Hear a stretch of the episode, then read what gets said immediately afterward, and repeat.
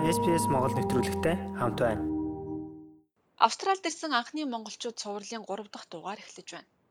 Бидний өмнөх дугаар зочноор орсон Тим Ханафордын хийсэн судалгаагаар 1860-аад онд Монгол гаралтай 3 хүн Австралид ирсэн байх гэж үзэж байгаа. Энэ хүмүүс бол манай хамгийн анхны дугаарт буюу Хескота хийсэн ярилцлага дээр дурддагдж байгаа түүний зургийн гол эзэн болох Чин Лантип. Хоёр дахь нь Dan Hoke буюу Тим Ханафордын өвгдөөдөс харин гурав дахь нь Джеймс Хоук гэдэг хүн байгаа юм а. Бид энд дурддагдсан гурван хүний гурвуулангийнх нь удмыг олж зарим мэдээллийг цуглуулсан.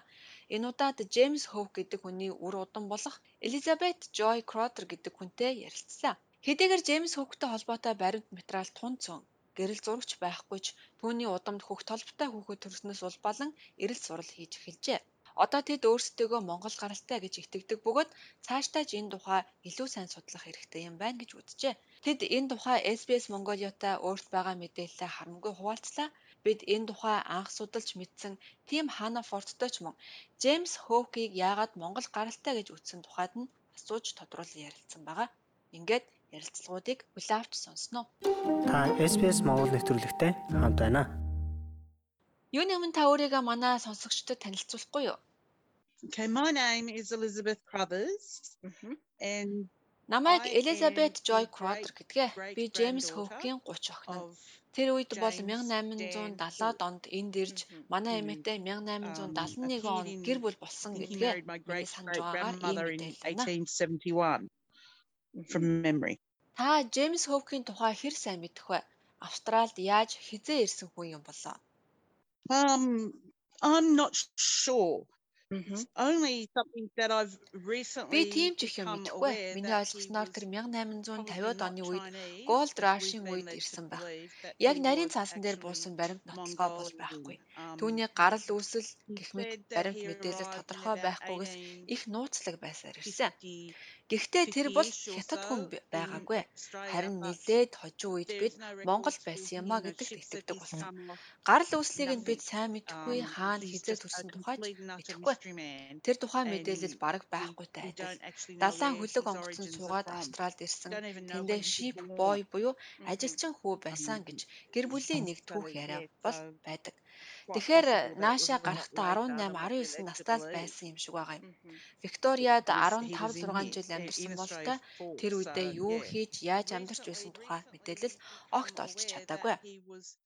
probably not Chinese, as we've been led to believe that he was actually Mongolian. Um, Та болон танаа хүүхдүүд хөх толботой төрсөн гэж сонссон. Энэ үнэн үү? One of my daughters, my youngest uh -huh. daughter, was born with a Mongolian blue spot on her spine, which I always wondered at the curiosity of. Манай хамгийн бага охин хөх толботой төрсөн юм а. Тэр цагаас хойш яагаад ингэж төрөв гэж бид их гайхсан. Манайхаас тэр л хөх толботой төрсөн юм. Түүний эцэг нь цэвэр англи гаралтай хүн байсан. Тэгэхээр тэдний талаас бол үндэслэл байхгүй. Эндээс би сэтэл авч өөрийн гарал үүсэл хин ямар хүн байсан тухай сонирхож эхэлсэн юм а. Тэр нь надад сонирхолтой гайхлыг минь төрүүлсэн. Ийм хөх толбо нь өвгдээдс маань Монголтой холбоотой гэсэн с ิจ г тамга төрүүлсэн юм да. did not all tell things as they were. Тэгэхээр танд Монголтой холбоотой ямар нэгэн баримт байдгүй Джеймс Хоук Монгол хүн байсан гэх ямар нэгэн нотлохоо танд байгаа юу? Tim suggested it you know that he seems to be there a common common theme that they Тим Ханафорд надад хэлсэн юм а. Тийм бол энэ тухай судалгаа их хийсэн хүний хувьд би итгэж байгаа. Манай өвөг эцэг Монголоос гаралтай хүн гэж тэр хэлсэн. Анх Австралид ирэхдээ Дайн Хоук гэдэг нэрээр бүртгүүлсэн. Тэр үед бүртгэл хийхэд сулхан байсан. Хинч хизээч өөрийнхөө нэрийг өөрчилж болохоор байсан цаг үе. Дайн Хоук гэж нэг үг байсныг дараа нь салгаж бүртгүүлээд за бүр хамгийн сүүлд нь Джеймс Даниэл Хоук болгож өөрчилсөн байгаа юм а. Нас барсны гэрчлэгэн дээр ийм нэртэй байсан. Тэр 1915 онд нас барсан юм байна лээ. Тимийн хэлж байгаагаар Австралид ирсэн монголчуудын хүмүүсийн хувьд амьдралынх нь тодорхой үе нууцлагдмал өөртөөгөө нууж байсан ч байж болзошгүй нийтлэг дүр төрх байдаг гэж хэлсэн нь ортой байхаа. That's interesting. And, yes, yes, yes. Mm. Very, very interesting how it uh, um, evolved. I think he passed away in about oh, 19, 1915 or somewhere like that. James uh, Ани Холборн гэдэг 14 настай эмэгтэйтэй гэрлээд 17 хүүхэдтэй болсон байна. Та тэр хүүхдүүдийн тухай хэр сайн мэдэх вэ? Yes. So some of them um some of them went to various Бүгд өөр өөр мужууд руу тараад ажил амьдралаа хөөсөн. Зарим нь Queensland-д очсон байдаг. Би танад гэр бүлийнхээ модны зургийг явуулнаа. Тэндээс хүүхдүүдийн тухай тодорхой харж болох байхаа. Зарим хүүнэр нь огт нь өөр хүмүүстэй гэрлээд овг нь өөрчлөгдөж явдаг учраас мэдээлэл багтай. Хүүхдүүдийнх нь хамгийн ихний хүүхэд нь 2 настайдаа өнгөрсөн, бусд нь эрүүлэнх өсч тарилсан гэдгээ you know because they obviously uh they were called half caste Бусад хамаатан садан дотор нь хүүхд холбоотой төрсэн хүүхэд байдаг болов уу? Notice and nobody else has ever commented in the family that their kids mm. have have this blue spot but it would be interesting to ask. Манай охин хүүхд толботой төрсөн. Би хамаатан саднаас асуух хэрэгтэй юм байна. Энэ Крисмсийн баяраар уулзахдаа энэ тухай асууя гэж бодож байна. Саяхны хүртэл бид нар энэ тухай сайн мэдэхгүй байсан. Ямар ч байсан нэгэн Аз гаралтай хүн байдаг л гэж үздэг байсан.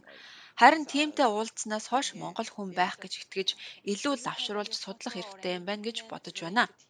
Хөх толботой гэдэг монголчуудад л байдаг онцгой шинж тэмдэг гэдгийг одоо л бид мэдэж байна. Өмнө нь бид огт мэддэггүй байсан. Өөрөөр хэлбэл бодиттой тодорхой бичиг баримт бол байхгүй. Бусад гэр бүлийнхэн үе уламжилж ирсэн түүхтэй баримттай байдагч манайх их л бүдэг байдаг юм. Өвөө маань дөрөвний нэг нь хятад, өвөөгийн ээж нь Джеймс Хоукийн охин юм а. I don't have any anything else of anything really significant from that time. Танд Джеймс Хоукийн ямар нэгэн зураг байдгүй? No, no photos of him anywhere that I have come across as yet. Байхгүй. New South Wales-ийн Brightwood гэд амьдарч байсан гэдэг. Би тэнд очиж архив үзье гэж бодож байгаа.